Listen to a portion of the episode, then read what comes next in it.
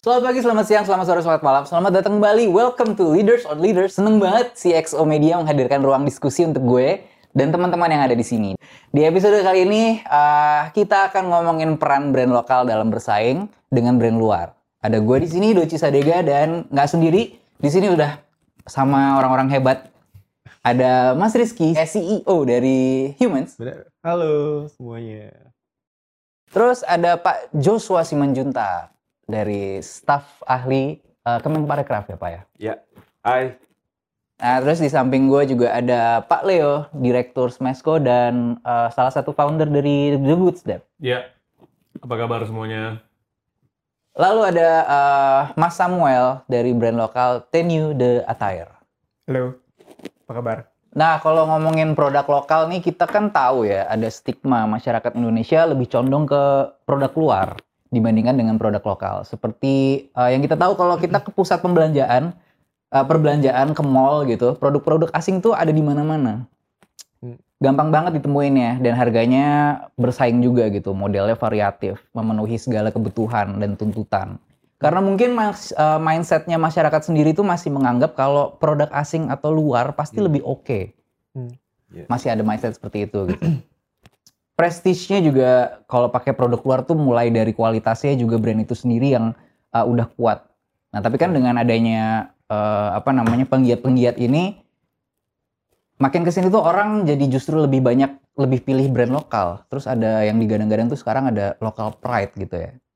Mulai dari kapan sih ini titik baliknya? Um, dari aku sendiri kali ya. Nah, Kalau um, dari sebenarnya dari perspektif aku juga aku ngeliat bahwa um, shifting behavior ini sebenarnya mungkin terasa sekali satu dekade terakhir lah ya. 10 tahun 10 terakhir, tahun. 10 sampai 12 tahun terakhir. Sejak menurut aku um, justru ini growing behaviornya tumbuh ketika era sosial media. mhm. Em, ketika era sosial media mulai dari em, dari Facebook, Twitter, Instagram di awal-awal tuh em, mulai banyak konten yang menurut aku lahirnya dari orang-orang Indonesia juga gitu. Sehingga itu membuat kesempatan em, brand-brand yang lokal yang yang bergeraknya memang secara environment ada di Indonesia itu bisa mulai masuk gitu. Hmm. melalui konten-konten yang menurut aku didistribusikan em, tidak satu em, apa namanya hanya melalui em, TV on air aja gitu tapi banyak channel-channel lain. Dan mulai tuh brand lokal mulai bisa masuk di sana.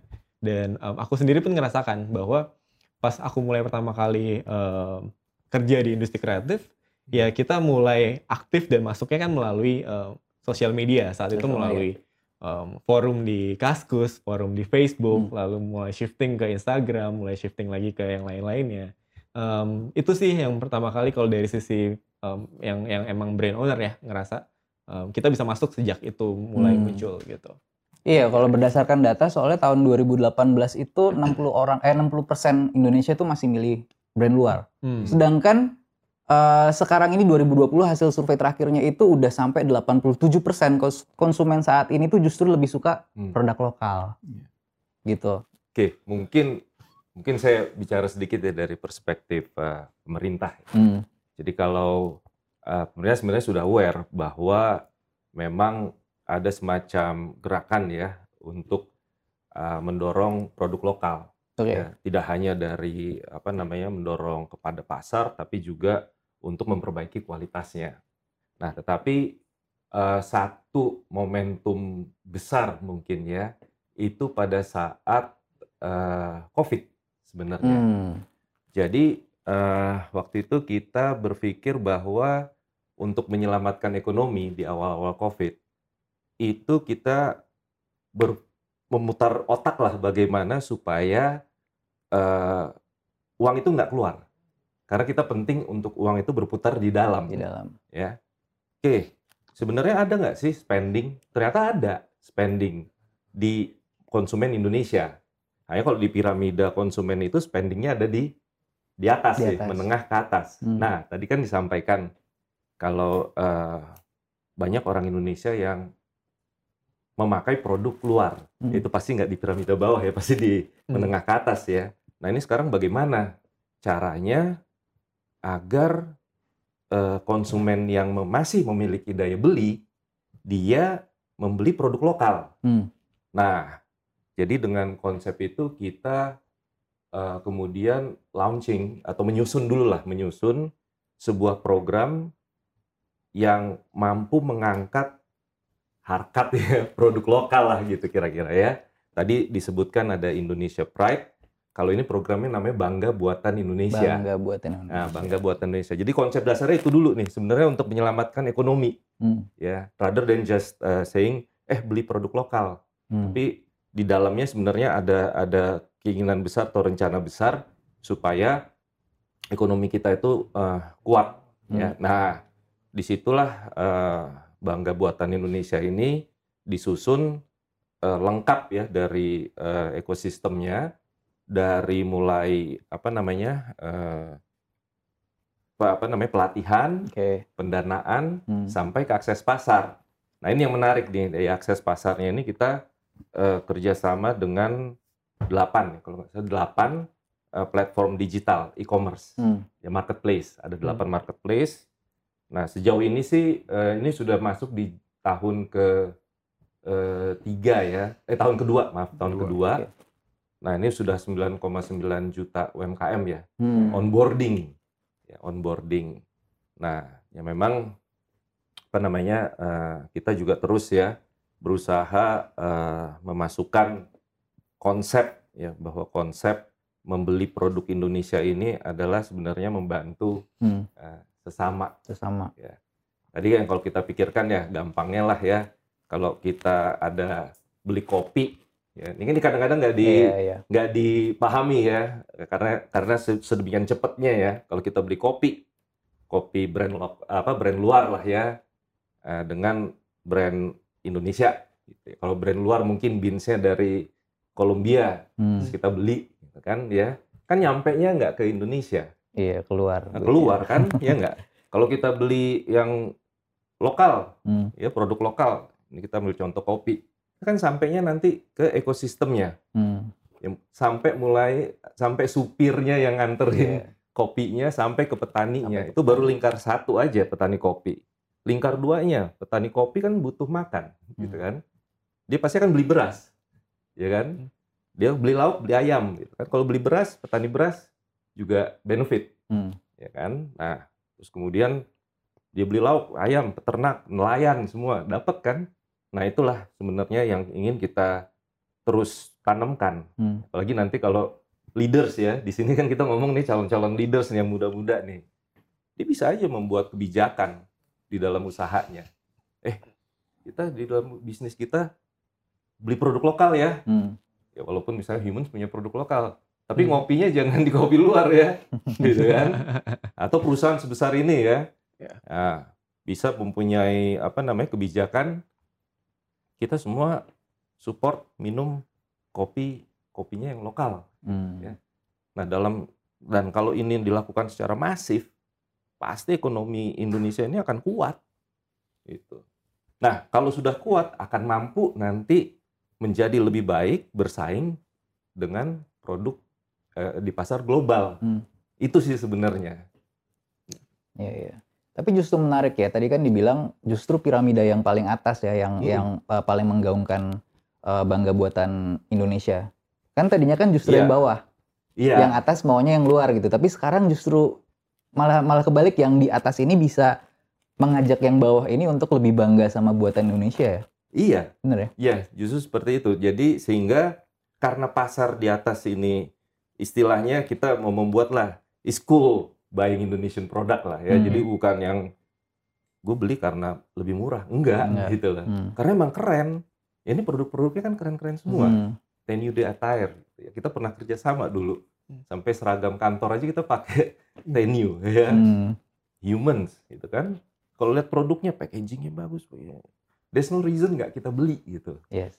Apalagi kalau kita paham konsepnya bahwa this is actually giving back to our people, Hmm. Gitu loh. Bersama sesama kita.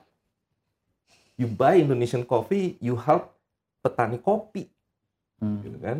As simple as that sih sebenarnya. Ya, cuma dalam transaksi yang sangat cepat, kadang-kadang kita nggak berpikir sejauh itu. Benar.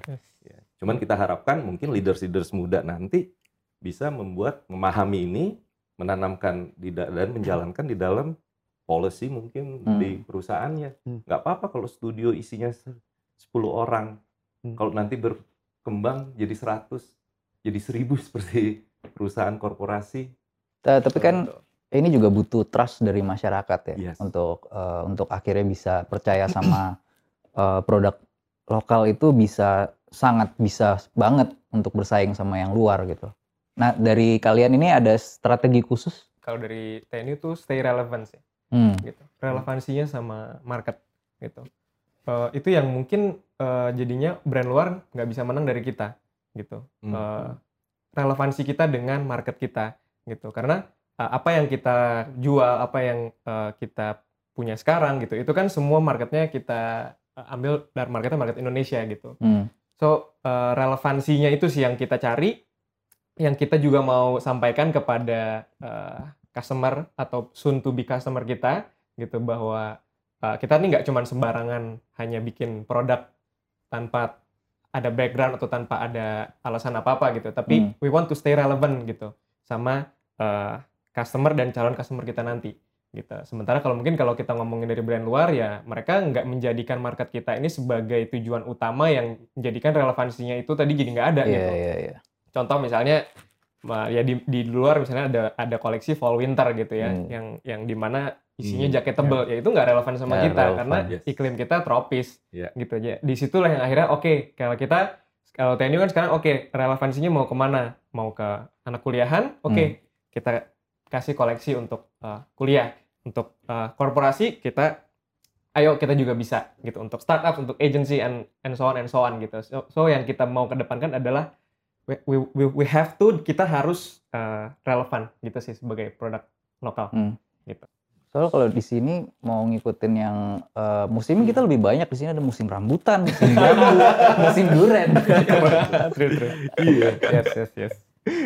Kalau eh, Pak Teo sendiri gimana Pak Leo? Ya, mungkin lebih gampangnya sih, karena saya sebelum jadi orang pemerintah, ini orang private sector gitu kan. Hmm. Ya di sini kan kita semua berdiri sebagai private sector pernah lah ya. Um, it goes back to like supply and demand dulu kan, Hmm. gitu kan. Ya nggak ada demandnya ya nggak nggak su- supply-nya ya susah gitu kan. Dan uh, ada dua cara untuk bisa menghasilkan that demand gitu kan, bisa dengan cara evolusi gitu atau dengan cara revolusi. So uh, you have to believe gitu bahwa di Indonesia itu kita bisa bikin satu gerakan sendiri gitu yang mungkin datangnya dari in, uh, underground gitu tapi kemudian jadi subculture kemudian menjadi mainstream. Hmm. So we did that gitu kan bareng-bareng sama Bright Spot, jadi The Goose Apartment and then other things gitu kan. Uh, about the same time ya about 15 years ago gitu kan. Yang waktu itu ya bukannya dipandang sebelah mata tapi sebetulnya emang non existent aja gitu maksudnya barang-barangnya karena mungkin dikira nggak ada demandnya Hmm. kan itu kan chicken and egg nih gitu kan Iya. Uh, telur dulu ayam dulu so at the time mungkin uh, apa distro lagi gila-gilaan Oke, gitu iya. cuman uh, akhirnya kita ngelihat ada banyak uh, independent designer yang juga nggak punya rumah lah gitu ya Hmm. terlebih-lebih sebetulnya rumahnya waktu itu yang rumah komersilnya adalah mall Hmm. jadi kita paksa masuk ke dalam mall dan ini akhirnya bisa menjadi sebuah apa ya istilahnya menjadi sebuah uh, tempat baru, channel baru gitu kan dan itu mulai berevolusi dan lain sebagainya. Akhirnya karena masuk ke rumah yang lebih mainstream, dia dikenal gitu sama yang more mainstream people gitu ya. Walaupun pada saat itu juga mungkin masih dipandang sebelah mata gitu kan. Dan ini evolusi sampai akhirnya uh, maybe ya berapa tahun kemudian barulah ada ada gebrakan-gebrakan lainnya uh, teman-teman lainnya semua dan ini kayaknya seiring dengan nggak cuman di fashion ya gitu kan. At the end of the day the most basic thing still the same gitu kan. Nah ini cuman memang pelaku-pelaku di Indonesia ini perlu menyadari bahwa uh, it takes time dan ini adalah sebuah proses evolusi dan memang kita harus punya dari sini sendiri sih gitu ya. Makanya movement itu penting sebetulnya buat ke sini dan keluar gitu. Hmm. nah yang buat kitanya sendiri ya looking inwards-nya ini ini yang kayaknya di Indonesia kurang karena kita ya culturally it's always about follow the leader dulu ya Hmm. karena kita kan tatanannya begini nih Hmm. ya kan dari dulu kan kingdom dan segala macam jadi ya rajanya bilang apa ya kita manut Manut. Nah, itu yang mesti dirubah. Jadi mulai dari mindsetnya dulu gitu kan. Nah, manutnya ini makanya kenapa kita nggak pernah nggak pernah jadi leaders gitu kan uh, in a lot of things gitu. Nah ini yang yang harus dirubah bagaimana kita menjadi thought leaders tapi juga punya kemampuan gitu ya thought leaders doang nggak bisa bikin ya percuma gitu kan. Ini benar-benar nggak nggak bisa cuman cuman hanya thought leading gitu tapi juga mesti dibarengin sama ekosistem. Hmm. Nah, ini PR-nya sebetulnya private sector and government collaboration itu jadi penting. Makanya sekarang di ya mumpung lagi di pemerintah nih, ini kejeblos juga gitu kan. itu yang kita harus rubah gitu maksudnya private to government. Makanya ya ya oke, sekarang nih bentukannya orang pemerintah nih kayak kayak gini, kayak gua gitu kan, kayak Josh gitu kan. Ntar ada yang gue yakin berikutnya mungkin kayak lu. Hmm. Lebih nyantai lagi gitu kan, lebih Iya. sans lagi gitu kan. Gua mah di luar juga begini. Tanya aja dia nih temen banyak nih teman gua juga kan. It's like I don't change even in, Hmm. when I'm in the government gitu kan. Yep. I could care less. Emang Hmm. gue politician kagak. Hmm. Gue abis ini juga nggak mau nggak mau ngapa-ngapain gitu kan. Gue mau Hmm. balik ke private sector lagi. Tapi sekarang mumpung while in the government, helping the government, trying to shape gitu kan ininya. Nah kita bicara evolusi apa bicara revolusi? Hmm. Nah, kita harus bicara revolusi. So what we trying to do itu sebetulnya kita lagi fokus banget nih. Salah satunya ada satu sektor di Indonesia ini baru dibahas nih, ya kan? Ehm, nanti di G20 ini ada satu gong yang luar biasa penting in my opinion. Itu sebetulnya satu sektor eh, yang Indonesia tuh dari dulu juga Belanda datang ke Indonesia juga gara-gara itu. Hmm. Which is the agro. Mulainya dari agro ya. Hmm. Jadi ada satu coalition yang kita menamakan diri ekonomi membumi. Hmm. Ya ini udah nggak lagi soal tren segala macam, ini soal soal mindset. Jadi eh, komponen tiga pilarnya itu adalah tani, saji, dan seni. Hmm. Nah ini mesti semuanya jadi satu, nggak bisa cuma tani sama seni, nggak bisa, ya kan? Saji sama ini nggak bisa.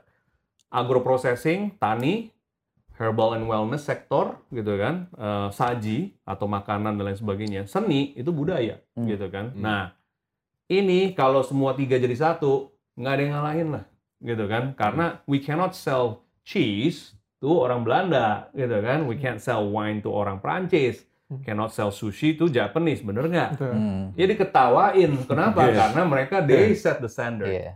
In this case, kalau misalnya gue bilang nih jamu gue nih, ya Hmm. kan? Lu minum tuh, gitu kan? Ya. Standarnya mana? Dari kita, Dari bos kita. Yep. Hmm. dari kita dan historically is written in our apa maksudnya in our ya dossier dan segala macam Hmm. lu kagak bisa bantah gitu kan that is why they believe bahwa they are the best nah can we believe that we are the best ya kalau nggak di backup sama gini susah Hmm. bener nggak Yes. ya makanya jangan ke barat-baratan jangan Betul. ke ini-inian gitu karena lu nggak bisa menang orang dia ngarang kok Hmm. Nah sekarang kalau gue sering ngomong, even di government, udah kita aja yang ngarang. Ngarang kita punya sendiri. Eh, Ngarang itu jangan dibilang negatif ya. Dulu waktu gue Iya. sama Jos masih kecil ada pelajaran mengarang ya nggak? Bener nggak? Iya. Sekarang kalau gue bilang ngarang, Ya, seakan-akan negatif. negatif. Kayak Iya. negatif. Dulu bahasa Indonesia itu ada pelajaran mengarang. Mengarang bebas. Mengarang bebas gitu. Kenapa sekarang kalau mengarang kesannya kayak, like, wah lu menghayal lu. Kagak. Mengarang itu critical thinking. Mengarang itu design thinking gitu Yes. kan. Ini dua-duanya orang desain nih. Gitu. Bener nggak, Jos? Mengarang. Dan itu arahnya ke branding berarti. Arahnya ke branding. Ke creation sih sebetulnya. Creation. Iya. Arahnya ke creation, Betul, arahnya ke Hmm. invention. Lu nggak Oke. bisa ngarang, ya lu ngikut aja. Ngereferensi doang kerjaannya. Iya. Hmm. Ya nggak bakal ke mana-mana. Gitu lah. Ya yang bilang parfum dari Prancis paling bagus siapa? Orang Prancis. Prancis. Orang Prancis. Iya. Yang bilang the, the best wine dari Prancis dari Bordeaux siapa? Orang Bordeaux. Iya. Iya kan, kalau lo nggak di label Parmahem nggak boleh gitu kan. Ya udah nanti giliran gua dong. Kalau nggak di label ini misalnya nggak boleh. Iya. Gitu. Orang Jamu. tanah-tanah gua, IG-IG kita, indikasi Iya. geografis kita punya, sumbernya dari gua gitu kan, dosiernya dari kita, boleh, boleh. Nah, ini proses ini gua namakan Amin bersama. harus, harus sem- semuanya harus Nah, semuanya harus ya. kong kali kong nih. Kita harus kompak nih. Satu negara loh. Ah. Di brief dulu ya kan. Nah, siapa yang mau nge-brief? Ya Bapak Presiden lah yang nge-brief. Iya. Gitu kan. Iya. Ngomong nih, yuk kita amin bersama. Bisa nggak? Kenapa enggak? Yes. Ini ada satu brand ya, jual minyak oles, tuh Jos tahu kali lu, ya kan? Omsetnya satu setengah triliun. Iya. Oke. Lu mendingan bikin ini, investmentnya gede atau bikin minyak oles? Gue mending bikin minyak oles, man. Iya. satu setengah T in five years. Ya legally ya gitu ya gue bilang pas gue denger Minyak itu oles yang diulang bukan sih? Iya, yang diulang itu kan? Iya, iya. Mereka pu- sampai punya kastil di Nah, sana itu kan? dia. Begitu lah. Udah seperti cult. Nah, ini gue tahu nih. itu kan dia amin bersama kan Iya. nah Iya. itu tuh Ke- ke- ya maksudnya this conspiracy theory Yep, gitu kalau yep. kita bisa begitu Hmm. 260 juta ya Yep. Iya kan Iya. kekuatannya nih yang Hmm. menyuarakan yes that is the standard yes that's how we do it Hmm. lah ya yang cuma 10 juta masa nggak mau nurut ya Iya, kan apalagi lu mau masuk ke market kita Hmm. oke nah proses itu panjang tuh dan difficult gitu deh ya, Tapi ya. udah udah ke arah sana lah ya. Tapi slowly, Slowly. slowly but Hmm. surely Hmm. kita mau ke arah sana. So I leave it at that. Biar seru, Iya, iya. seru, seru, seru, seru. biar seru aja pembicaraannya. terus kan kalau dilihat dari dua tahun Hmm. belakang kan eh, tiba-tiba shifting nih satu dunia. Orang-orang nggak bisa keluar rumah. Orang nggak bisa yang tadinya kalau mau beli barang itu harus ke store, bisa pegang barangnya. Terus orang jadi eh, secara terpaksa dia belajar caranya untuk tetap bisa apa ya eh, belanja gitu Ya. dengan teknologi baru. Tapi karena terpaksa ini, karena orang yang eh, udah nggak ada pilihan lain untuk ke toko, itu sekarang online juga jadi berkali-kali lipat gitu pendapatannya gitu. Hmm. Kalau dari Mas Rizky sendiri, Well, humans um, sekarang dan emang kita startnya memang dari Udah online. online, ya. Hmm. Walaupun saat itu memang um, tesis yang kita pelajarin susah sekali untuk membuat orang mengenal produk kita secara online kan. ada juga ya. Instagram masih belum ada fitur untuk ngenalin wangi gitu, belum bisa kecium gitu wanginya Mengarang dari bebasnya handphone. susah. Iya. jadi, jadi mengarang bebas. I mean um, mengarang bebas ini kan dalam artian apalagi kayak parfum ya. Tadi gue senang banget sama emang apakah kita harus mengarang dan apakah mengarang itu salah? Eh, enggak juga gitu. Ketika kita mau mentranslate mentranslate wangi kita ke publik gitu, Hmm. kita nggak bisa bilang ini wanginya wangi neroli. Siapa yang tahu wangi ada neroli kayak tahu. gimana gitu. Tapi ya em, tim kreatif kita kemudian berpikir untuk wangi neroli ini memberikan experience apa buat orang-orang. Hmm. Apakah experience-nya experience yang sedaktif buat cewek ketika cewek pakai cowok jadi senang di sekitar dia dan sebaliknya dan sebaliknya itu something yang kita rasakan gitu. Hmm. Is it wrong? Enggak. Itu something yang emang kita experience kan gitu. Dan itu yang kita bisa em, apa namanya ceritakan melalui media yang kita punya di sosial media dan segala macam. Jadi menurut aku ya eh, the story works, the story works well for kita gitu.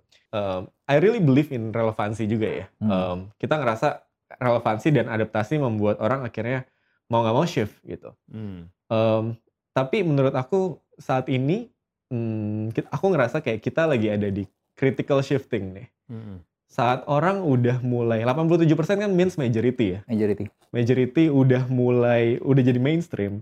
Orang udah trust, orang udah em, put their belief in local brands atau in produk Indonesia lah ya secara general. Em, dan burdensnya akan ada di local brandsnya True. because it's going very fast. 10 tahun dengan growth yang kayak gitu, it's very fast kan untuk untuk ratusan juta orang yang shifting tiba-tiba gitu. Hmm. We have to be ready untuk speed of innovations-nya, Hmm. untuk creating Hmm. the the the manufacturing-nya, Yes. teknologinya, Yep. segala macam Yes. yang we are 100 y- ya mau Hmm. nggak mau honestly we are 100 years behind dengan brand-brand yang udah dari luar sana gitu. Eh, menurut aku kondisi idealnya one day adalah ketika orang datang, market datang ke mall gitu, mereka pilih toko A atau B, mereka milih B, mereka beli, dan mereka nggak tahu ternyata A ini dari US, B ini dari Indonesia Hmm. gitu.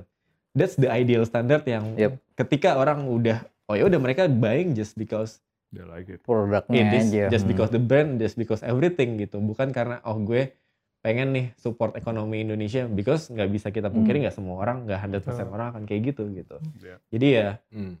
we aspire untuk sekarang di humans we aspire untuk creating this innovation pace jadi cepet banget dan how do we keep up gitu Hmm. secepat mungkin gitu. Iya, soalnya banyak juga tuh beberapa eh, kayak misalnya di Good Step kan Mm-mm. ada luar, ada lokal, tapi kan nggak nggak spesifik. Enggak. Ini area lokal, ini Enggak, area enggak. Makanya kadang-kadang Nggak orang juga, pernah. Blend oh in. ini ternyata lokal gitu. Hmm. Jadi orang nggak sadar kalau Yes. dia beli Iya. lokal karena ada udah setara juga gitu. Hmm. Iya. Nah, kalau menurut Pak Joshua, gimana pandangan Bapak terkait peran digital untuk mendorong eh, penyerapan produk industri UMKM? Digital sih kunci ya, Hmm. kunci. Itu juga sebenarnya yang dipakai oleh pemerintah. Jujurnya pemerintah tuh punya loh platform sendiri untuk belanja. Oh iya. Nah, jadi gini nih, ini dulu itu sebenarnya saya pernah nyoba baru masuk kan kantor. Hmm. Wah, bisa nih pesen nih, lihat online kan. Oh, pesen mebel, mebel Leo mana nih ya? Cari kursi, duh, kok nggak ada? Waduh kacau nih gitu kan ya. Dari luar semua kan, ya you know lah dari seberang lah dari seberang. Kan mestinya ada nih, oh, ngincer nih kursinya. Leo kan dibayarin kantor lagi kan, ya mestinya kan. Ya kan, betul betul tuh aku punto, ya kan. Boleh ngomong brand kan, aku punto itu keren banget tuh. Saya pengen banget. Eh nggak ada gitu Hmm. kan? Ini lima tahun yang lalu tuh. Eh, saya datang ke LKPP jadi ada tuh LKPP itu eh, lembaga yang mengatur pembelian belanja pemerintah Hmm. susah bener ternyata ya untuk memasukkan produk Indonesia itu ke platform tersebut tuh Ya. Hmm. online loh itu online anggap aja Tokopedia tapi pared down dan untuk belanja pemerintah lah gitu Hmm. ya ya puji syukur sih sekarang di apa namanya di eh, dengan adanya gerakan bangga buatan Indonesia itu Hmm. eh, diperba- diperbaiki sistemnya jadi lebih mudah ya ini digital jadi kita pakai digital lagi Hmm. ya. Hmm. Anyway, em, terakhir ini em, di launch ya eh, bahwa tahun ini pemerintah itu menganggarkan 400 triliun untuk dibelanjakan produk lokal melalui sistem e-katalog tersebut Hmm. ya oleh LKPP e-katalog tersebut. Nah, jadi bisa terbayang ya yang uang ini kan dari APBN Hmm. yang mana ya dari pajak kita semua inilah ya. Ya. Tapi masuk ke sistem e-katalog, Hmm. dari e-katalog tersebut menyerap produk lokal. Jadi digital really plays important part of it. Even pemerintah juga sekarang uh, menggunakan uh, digital Hmm. untuk mendorong uh, penyerapan dan belanja negara Iya, iya. gitu. 400 triliun loh. Gede itu. Sebetulnya nanti kalau masuk ya, Boleh. Jadi nanti Siap dong. ini kayaknya Staff kita nih perlu dikasih parfum nih. Cari ya. Humans ada di humans. Kita Kalau sama Room Tenyu udah. Udah sama Tenyu. ASN kayak perlu parfum. Perlu parfum nih seperti ya. nih. Ya, banyak. Ya, makanya. Divisor ruangan juga. Dulu juga sama dengan Tenyu kan. Lihat, wah keren ya. Lihat, duh kok nggak bisa ya. Aduh lah kita cari cara lah supaya bisa deh. Akhirnya satu kedeputian pakai Tenyu. Gokil. Iya. Ke depan lebih banyak lagi nanti kita harapkan. Kalau kita ngelihat dulu kan, eh, kalau punya brand gitu, yang pertama kali dipikir kan ditaruh di mana nih produknya nih? Apa harus Terus. punya Betul. toko sendiri? Dan gitu kan Iya. OPEX-nya lumayan gede ya. Yes. Harus sewa tempat, sewa karyawan, segala macem. Sekarang justru malah kebalik. Eh, online dulu, baru ya kalau emang dirasa perlu bikinlah offline-nya. Itu juga untuk menyenangkan eh, customer, bukan untuk yang kayak dulu gitu. Nah, Ya. Eh, tapi ini berpengaruh nggak kalau eh, Pak Leo kan punya Goods Dep itu kan toko toko fisik. Mm-mm. toko offline dan Mm-mm. selama pandemi ini kan OPEX terus berjalan. Mm. Nah, itu menyikapinya seperti apa untuk untuk brand yang emang udah Iya. eh, base-nya offline gitu. Iya, memang kita bukan early adapter untuk online ya. Gitu. Hmm. Kita kita kan waktu itu memang offline experience tuh jadi jadi the basis of uh, of our business lah gitu kan. Um, tapi bukannya terus kemudian kita nggak go online. Tapi ternyata going online itu butuh a different strategy Hmm. gitu kan.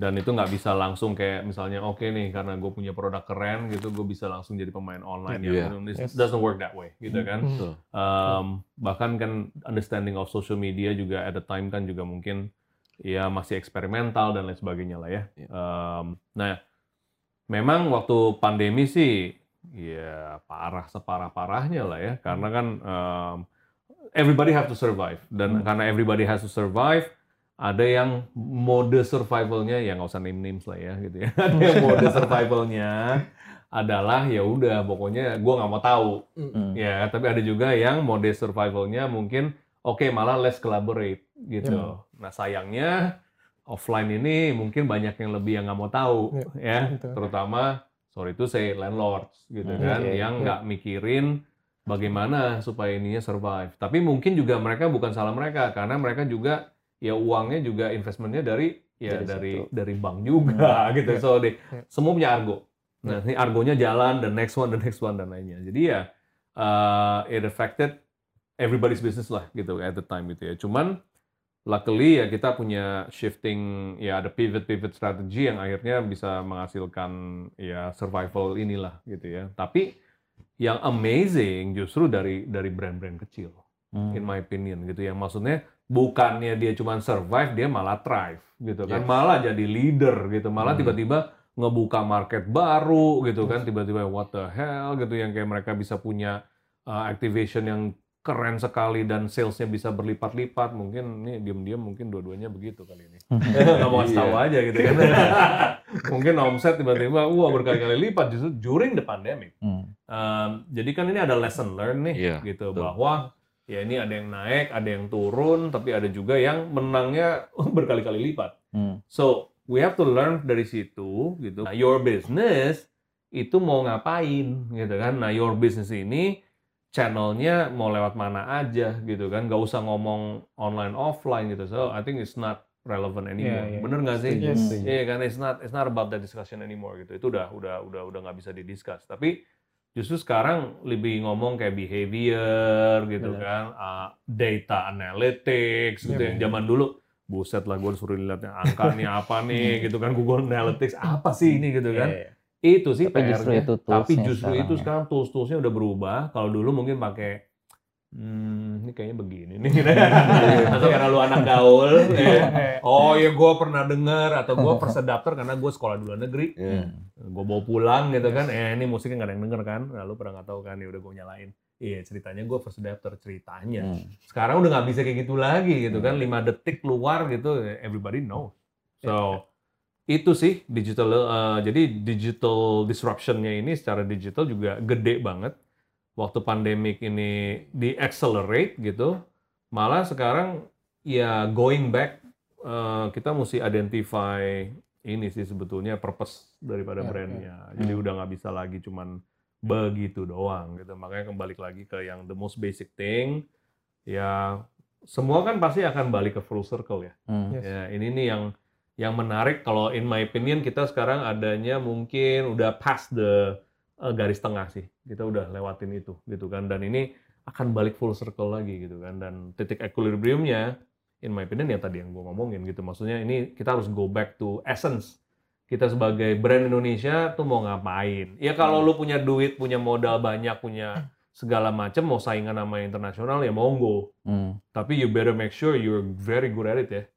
Ya sebenarnya kayak misalnya contoh yang diinvest sama Jay-Z itu, kopi itu, ya kan. Mhm, mhm. Ya nggak usah sebut brandnya lah. udah, udah tahu semua.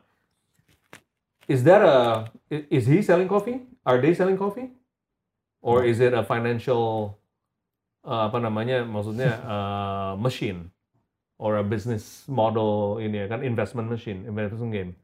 Iya, itu loh. Gitu kita mesti Hmm. tahu. Nah, kalau lo mau jadi brand kayak begitu terus bilang saya pengen kayak dia, tapi sebetulnya lu nggak ngerti Dianya, dianya itu ngelakuin apa, ngelakuin Ah. apa, ya nggak usah mimpi gitu Hmm, kan. iya. Ya, oh dia jual kopi. Bukan, dia nggak jual kopi, Bos.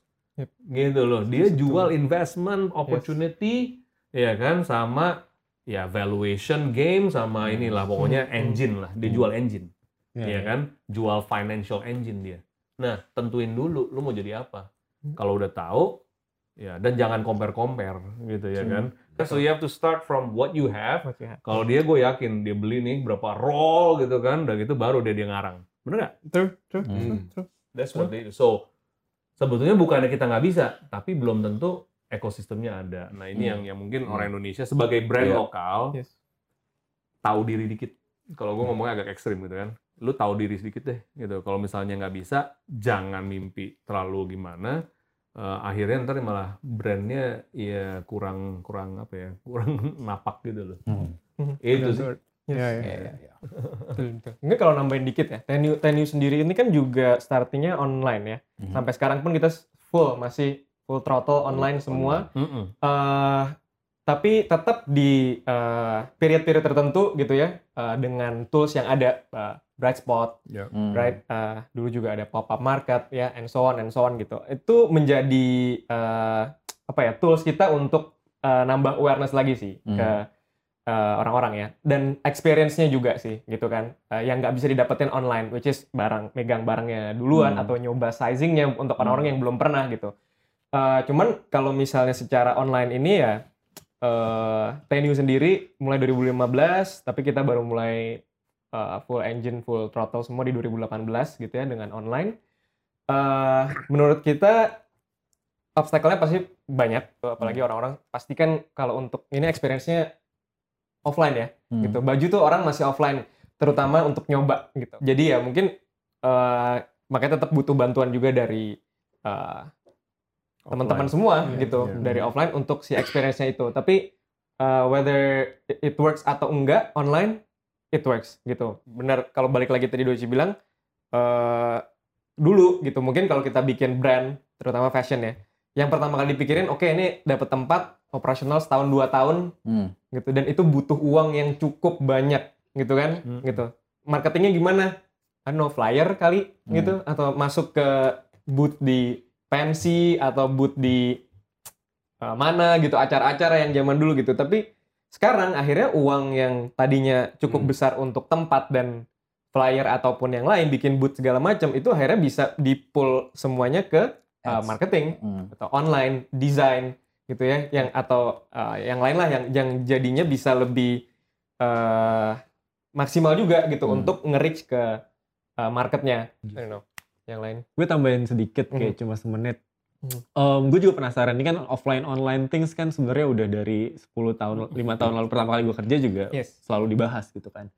Jadi gue Hmm. pernah um, research tentang brand tempat gue pertama kali kerja yang emang fokusnya itu adalah online. Hmm. Jadi um, dia fokusnya di online, and then dia punya empat store di offline.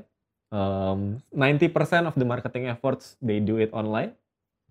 Dan gue yang lihat penjualan selama 2-3 tahun terakhir. Hmm. Pengen gue pelajarin. Sebenarnya saat itu pengen yang, yang pengen gue pelajarin adalah uh, this was before the pandemic ya. Hmm. Jadi uh, mungkin behaviornya bisa berubah segala macam, tapi um, yang gue pelaj- pengen pelajarin saat itu um, banyak banget hipotesisnya soalnya. Ada yang bilang kalau orangnya uh, udah lebih Gen Z atau millennials mereka prefer online. Hmm. Hmm. Kalau misalnya um, boomer segala macam baru offline. Hmm. Atau kalau um, sosial ekonomiknya tinggi di atas gitu dia online. Kalau yang ini baru offline gitu. Um, pas gue dapat datanya dan gue pelajari, it's actually 49 banding 51 persen. 51 persen online, 49 persen nggak signifikan. Hmm. Bisa dibilang 50-50 lah, 50-50. Dan dari yang gue pelajarin keduanya, it doesn't have any pattern at all. Hmm. Hmm. Mau lo kaya, mau cowok, mau cewek, di Iya. sini juga Itu sama aja. aja. So it's actually just a preference. Saat Hmm. itu gue pelajarinnya kayak gitu. Jadi em, ya nggak nggak nggak nggak relevan ketika ditanya lo mau online atau offline. Maybe you have to try both strategy dengan Hmm. cara yang berbeda-beda. Iya. Nah cara yang berbedanya itu apa? I think online ultimately they offer the best thing about online ya. It's flexibility dan speed. Hmm. Lo nggak akan bisa beating online dalam hal flexibility dan speed gitu. Em, mau market research, kita bisa bikin em, apa namanya questionnaire aja questionnaire, instastory, lo Hmm. kasih lihat dua mana pilih kiri kanan. Hmm. 5 menit lo Hmm. dapet hasilnya Hmm. gitu Hmm. dari au- literal audience lo. Hmm. Depends on uh, dibandingkan dengan lo harus distribute ke titik-titik offline segala macam, it doesn't make sense anymore gitu. Hmm. Baru setelah itu, kalau lo mau distribute produknya, nah menurut gue apa yang offline offer adalah convenience. Hmm. You cannot beat offline at convenience. Lo bayar langsung di tempat, produknya langsung lo bawa pulang. Mau satu hari, mau diantar 3 jam, 4 jam pakai GoSend segala macam, I don't think it can beat the experience yang ada di Hmm. convenience experience yang ada di offline ya kayak Yes. gitu. Kalau dengan adanya digitalisasi ini, kalian melihat potensi ke depannya itu gimana? Seberapa besar potensi lokal brand kita mampu bersaing? Balik lagi ya, luar. mumpung tadi gue bilang kayak gitu. Em, kalau ngomongin seberapa besar potensi kita bisa bersaing melalui digitalisasi, em, sama sih. What we can do by being online dan being relevant to audience yang ada di online itu kan adalah learning speed ya. Hmm. Tadi kayak yang gue bilang.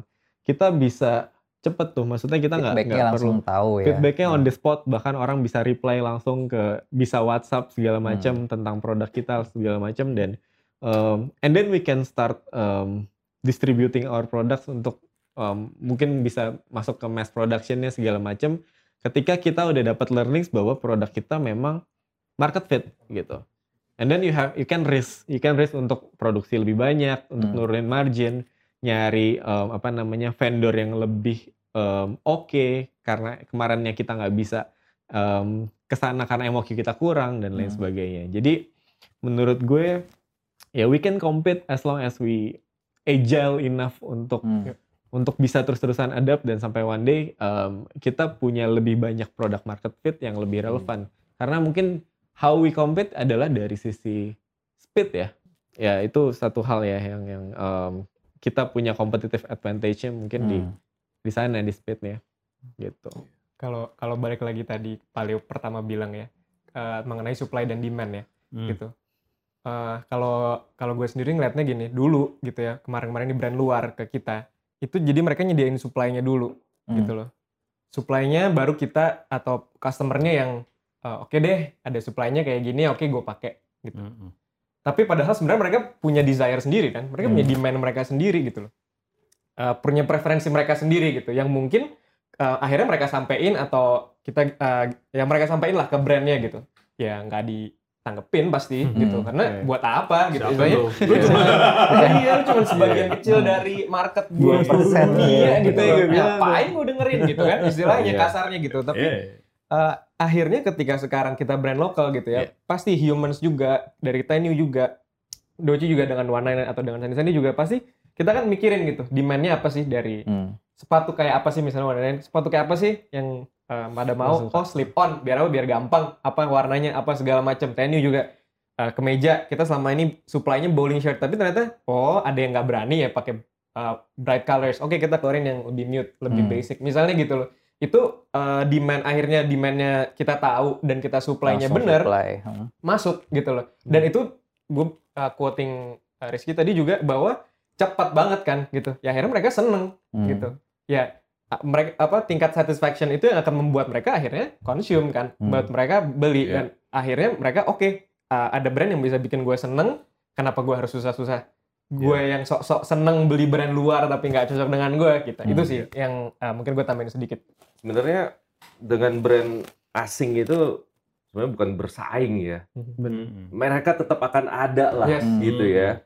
Pasti. Tinggal ada beberapa strategi lah kalau saya pikirkan ya. Pertama, ya kalau emang ada brand asing, sebenarnya kan kita yang paling tahu pasarnya kan, Hmm. kita sendiri. Siapa tahu kalau brand asing itu ke brand kita ini memang exceptional ya. Kan kita nggak apa kita sudah lihat tuh ada brand luar yang top brand yang akhirnya collab. Dia Iya, punya iya. koleksi khusus Yes. Hmm. ya kan dengan brand lokal. Yang kedua adalah yang tadi Pak Leo sampaikan itu yang paling menarik sebenarnya. Ya, brand kita jangan trying to be compete dengan produk yang sama. Hmm. Ya, kalau udah punya jamu siapa lagi brand luar yang punya jamu juga ya mungkin ada apa namanya eh, merek minuman luar berusaha justru malah dia untuk bikin jamu gitu Hmm. kan ya. Nah, itu mungkin kita harus juga bisa memiliki mindset bahwa ya brand luar ya tetap akan ada. Akan We're not ada. trying to Hmm. compete but we are complement lah gitu ya. Hmm. Syukur-syukur kalau nanti terjadi eh, kolaborasi Yes. ya, you can learn From- from them Yes. juga kan. Kalau dari sisi pemerintahan ada support apa aja nih untuk Ya. produk lokal ini? ya kita membantu banyak hal lah ya untuk untuk mereka bisa berkembang ya. Dan ini levelnya macam-macam ya. Ada yang masih basic sekali, mungkin standarnya belum memenuhi certain standard untuk bisa even bersaing di pasar lokal, apalagi di pasar luar. Hmm. Ada yang sudah punya standar, ada yang packagingnya. Ya, ada karena packaging sekarang kan teknologinya banyak ya. Ini kita tadi barusan ngobrolin supaya nggak bocor gimana kan ngirimnya packaging bottlingnya ya seperti itu. Itu pun juga ada ya. Kemudian eh, komunikasi ya, bagaimana mengkomunikasikan produk kita juga eh, tadi kalau Pak Leo bilang mengarang bebas bahasa kerennya narasinya. Narasi. Membangun narasi, Membangun gitu kan ya. Membangun narasi yang tepat. ya. Kayak gitu. Itu pun juga kita ajarin storytelling. Iyalah. Penting storytelling. Iya. Tadi Pak Leo tuh udah jelaskan salah satu contoh storytelling. We make our own story. Hmm. Gitu kan. Yang lain nggak bisa claim. Bisa. Ya, yang lain tamu. Gitu kan. ya, dengan storytelling narasi yang benar itu itu juga kita upayakan. Cara membantu kita macam-macam lah ya. Eh, kita bisa mendatangkan expert Hmm. kepada UMKM ya. Ini loh caranya seperti ini if you want to go that way. gitu Berarti banyak kan. pelatihan-pelatihan. gitu ya. pelatihan-pelatihan dan yang paling penting juga salah satunya adalah kita mencoba membukakan akses kepada eh, financial in- eh, apa Hmm. investor ya. Ya, mungkin nambahin aja kalau dari pemerintah nih sekarang gue ngomongnya mau serius nih. Ngadep kamera nih. Enggak. Em, beruntung ya mungkin Pak Menteri Pak Teten Mas Duki itu em, apa ya arahannya jelas sekali ya di awal. Dan gue juga melihat itu sebagai satu visi yang luar biasa karena dia mungkin grassroots ya.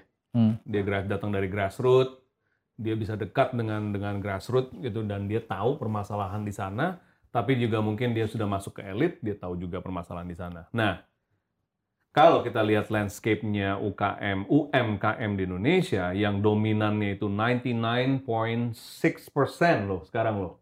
Itu di micro. 99.6 jadi kalau kita bikin chart nih gambar itu nggak ada tuh yang begini. Bohong tuh. Ada yang begini terus ada jarum kecil Oh, iya. satu cut, gitu kan. point five persen Ah. gitu.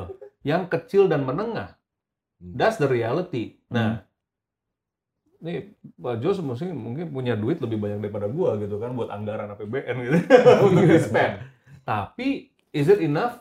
Nggak akan enough. Seluruh Hmm. APBN dikerahkan untuk membantu 64 juta UKM ini Hmm. UMKM ini nggak akan enough gitu kan. So perlakuan yang kita lakukan ini realistic and also eh, ya maksudnya ber- ber- berkaca kepada realita gitu ya. Jadi kita sebutnya di sini kita kasih low touch tapi high tech Hmm. yang ini kita kasih high touch tapi low tech lu diinkubasi emang mau diinkubasi pakai pakai zoom zoom gitu aja No. Ah, lu maunya ketemu kan, Yes, kita makan iya. bakmi gitu kan. Jadi gua kadang-kadang gua ke mana lu gitu, gua marah-marahin Iya, dikit gitu kan. Ya bener nggak? Have you ever incubate seseorang gitu? Pernah nggak jadi mentor seseorang? That's a personal thing man. Yes. Hmm. Gitu kan. Gua pernah mentorin 30 brand gitu muntah darah. Muntah darah, bener-bener muntah darah. Karena it's very personal dan segala macam. Nah, itu high touch. Ngomong investment, that's high touch. Hmm. Gitu kan. Nggak bisa kayak digambrengin gitu aja. Hmm. Eh, investment ya. Oh, Iya. di, di dulu lah segala macam, right? Tapi kalau yang di sini, bukannya kita tidak eh, apa ya percaya ini, cuman dengan adanya teknologi kita bisa eh, high apa low touch tapi high tech Hmm. ya karena misalnya contoh pelatihan dan pendampingan oke sekarang bisa digital bisa didistribusikan didemokrasikan gitu Hmm. kan? Iya. karena bisa didistribusikan secara digital. Bener nggak? Ya ini bikin aja konten sekali. Ini kayak begini. Ini Hmm. konten bikin sekali. Habis itu mau dinonton 5 juta orang ya syukur gitu Hmm. ya. Right? That's the that's Iya. the reality. Itu kan eh, apa namanya low touch tapi high tech distributionnya. Gitu. Jadi ada ada perlakuan-perlakuan seperti itu. Bukannya kita tidak percaya bahwa ini eh, sesuatu yang memang buat semua orang cuman yang kita lakukan di sini karena sebegitu besar ya udah kita aggregate dan kita consolidate gitu ya. Jadi ini ada fungsi agregasi kalau yang legal legalnya kayak misalnya bentuknya koperasi Hmm. Yep. atau apalah korporasi dan lain sebagainya dan seterusnya. Seperti itu sih. Ya jadi ya biar biar jelas gitu bahwa uh, pemerintah juga at the end of the day mesti realistis sih terhadap approach-approach yang dia dan Iya. program yang kita lakukan. Benar nggak? Gitu so. Tinggal satu lagi aja sih sebenarnya Pak Leo programnya udah bagus. Mudah-mudahan this will go beyond 2024 ya. estafetnya ya Iya, itu- itu challenge nggak, terbesar. sekali ganti Reset. program Reset lagi, lagi. logo ganti buset dah iya. logo udah setahun. ganti iya kan Iya. Wah, jelek nih ganti How to tackle that gitu. Nah, ini Ah, mungkin Mbak Jos tapi actually penasaran. tapi sebenarnya gimana yang bisa dilakukan ini itu adalah yang tadi Pak Leo tuh sempat mention Yes. ya. itu adalah kolaborasi ya, kolaborasi pemerintah dengan swasta itu penting. Ya. Ada namanya PPE, nggak salah ya, Public Private eh, eh, PPP, Public Private Partnership. Yes. Ya. Yes. Jadi dalam apa level besar infrastruktur yaitu jalan, Mhm. tol. Mhm. Tol Hmm. itu Public Private Partnership. Ya, Hmm. public pemerintah apa? Oh ya lahannya, proyeknya, kemudian yang menjalankan uh, Private. private, Private sector sector. ya, Betul. mereka berpartnership. Nah, apakah ini bisa nggak di level yang ini nih, sektor kreatif ini, kalian, iya, dengan iya. kalian bisa nggak kita membuat satu uh, program tadi uh, Pak Ali misalnya mempersiapkan uh, teman-teman ini supaya mereka bankable ya Hmm. untuk akses terhadap finance. uh, finance yang lebih besar lagi ya seperti itu atau Korea misalnya punya Korea punya uh, saya masih ingat itu mereka ada Koka lah yang menjual Hmm. konten Hmm. ya programnya itu bisa berjalan ya karena mereka memang uh, pra- merupakan kerjasama antara private sector Public. ya dengan uh, public sector pemerintah Hmm. seperti itu. Nah, ini sebenarnya yang harus kita eh, coba dalami. Sebenarnya BLU pun juga Ya. yang dipimpin oleh Pak Leo ini punya potensi untuk beyond, ya, Betul. beyond. Ya, tinggal harus Pak Leo terus yang mimpin, jangan ganti kalau bisa. Ya, itu mungkin yang tadi Pak Jos bilang itu betul gitu ya. Hmm. Maksudnya ada kelembagaan Iya. yang memang bisa terus gitu kan. Ada juga misalnya kalau kementerian mungkin agak lebih susah ya. Lebih susah, ya. Karena itu politik banget gitu Mhm. kan. It's a very political uh, position yang udah pasti ini yang berubah. And I will say this in front of kamera, ya kan.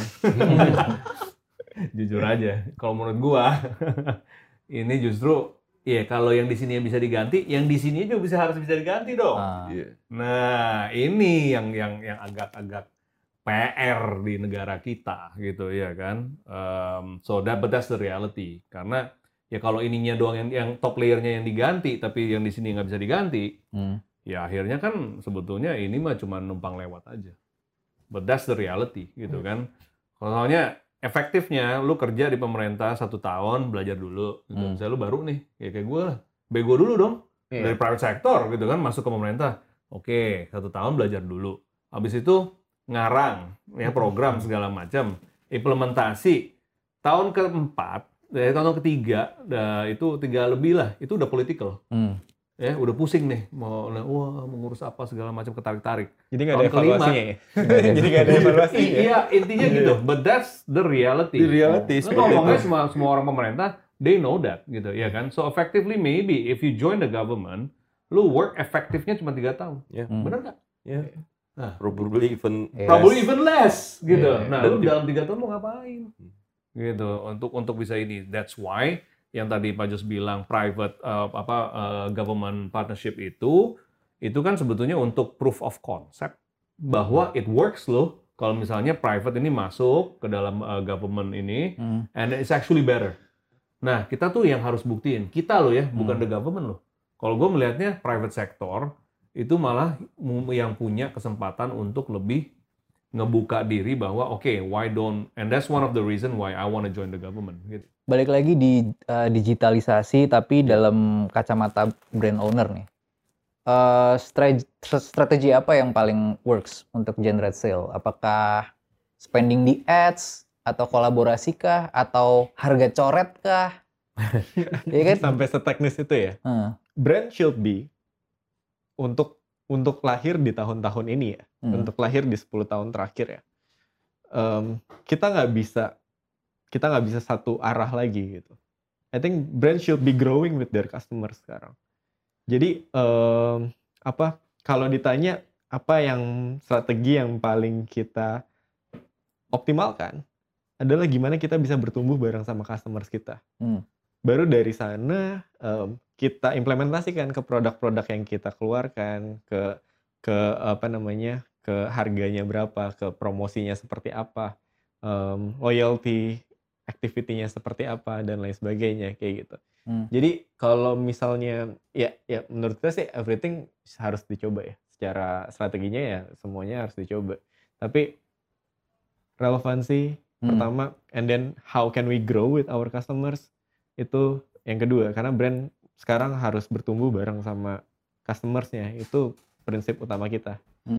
gue pun sampai dengan sekarang masih spending like two hours every day untuk balesin DM customers Hmm. ngeliatin WhatsApp um, lagi apa yang dibahas oleh orang dan segala Hmm. macam karena I want to be connected with them gitu Engage. supaya engage sama Yeah. mereka supaya I can make relevant decisions dan I can make relevant innovations juga buat mereka Ah, setelah kita seru-seruan bahas dan ngulik banget tentang industri produk lokal, kita main game sedikit deh. Dengan main games true or false. Langsung jawab aja if it's true or if it's false. True or false? Pernah malu pakai produk lokal?